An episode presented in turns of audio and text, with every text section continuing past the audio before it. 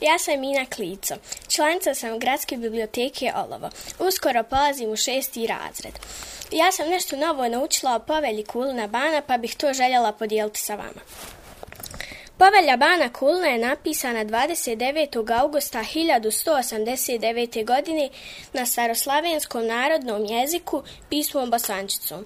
Ovaj dokument je ne samo najstariji do sad pronađeni očuvani bosanski državni dokument, nego je povelja bosanskog Bana Kulina i najstariji državni dokument kod svih južnoslavenskih naroda i država.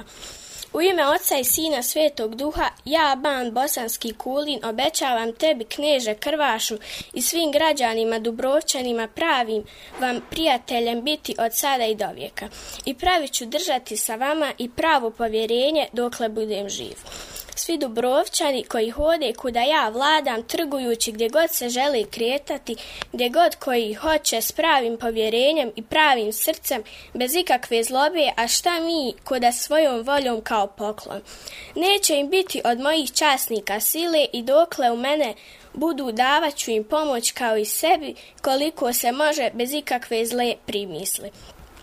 Neka mi Bog pomogne i svo svetu evanđelje. Ja, Radoje Banov, pisar pisah ovu knjigu Banove povelje od rođenja Kristova 1189 ljeta, mjeseca augusta i 29. dan na dan odrubljenja glave Jovana Krstitelja. Povelja bosanskog vladara Kulina Bana danas se čuva u biblioteci Akademije nauka u Sankt Petersburgu. Pretpostavlja se da je ruski konzul Gilfre, Gilferding odnio ovaj značajan dokument iz Dubrovnika u tadašnji Petrograd. Povelje Kulina Bana je ne samo značajan diplomatski spis koji govori o državno-pravnim i društveno-ekonomskim prilikama svog vremena, već je ujedno i najstariji dokument pisan živim savremenim narodnim jezikom u čitavom slavenskom svijetu. Pisac Lašvanin je zabilježio da u vrijeme njegova banstva Bosna bi najsretnija i no, kasnija slično pišu i dubrovački pisci, navodeći da je Bosna u doba Kulina bila sretna i blagoslovljena. U narodnoj tradiciji je to vrijeme je zapamćeno kao zlatno doba, što potvrđuje stara narodna poslovca koja glasi od Kulina bana i dobrije dana.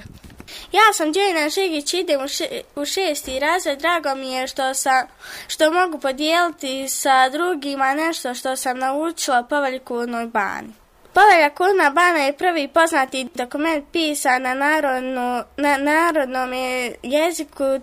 Važno za bosansku historiju se o, oličava time što je prvi poznati dokument izdan od strane jednog jezika vladara Dubrovačkom knezu Krvašu i svim dubrovačkim građanima, kasnije su to učinili svi bosanski vodari. Oni su uočava da je Bosna već tada imala prijateljske posebito trgovački odnose s Dubrovnikom koji su se nastavili održavati kroz iduća stoljeća. Ja sam Edina Đakmić, sada ću da e, idem u šesti razred. Ja također nešto kažemo kažem Kulna Bana, također sam članca Gradske biblioteke Olovo. Pavelja danas. Pavelja Kulna Bana očuvana je u tri primjerka u Dubrovniku. Dva primjerka se tamo nalaze i danas, a treći primjerak ukraden u 19. vijeku danas se nalazi u posjedu Ruske akademije nauka i umjetnosti u Sankt petenburgu u Rusiji. Mnogi smatraju da je to original među poznatnim primjercima Bosni i Hercegovina je uputila zahtjev za njeno vraćanje. Rusija je odbila zahtjev jer smatra da pavelja Kulna Bana kao drugi dokument Slavina po starosti jednako pripada i njihovoj historiji ban predstavlja historijsku i mitsku e, ličnost bosanske feudalne države prema sačuvanim dokumentima. Osam pisanih, jedan natpis na kamenom spomeniku Stečku, kojima se spominje njegova ime. Vidi se da je Kulin ban bio bosanski ban u periodu od 1180. do 1204. godine. U to vrijeme Bosna se formira kao samostalna i uređena država, što svakako doprinosi njenom ekonomskom e, razvitku i prosperitetu prosperitetu, otvaraju se prvi rudnici željeza i srebra, a u Bosnu počinju dolaziti i stranci, prije svih Dubrovčani.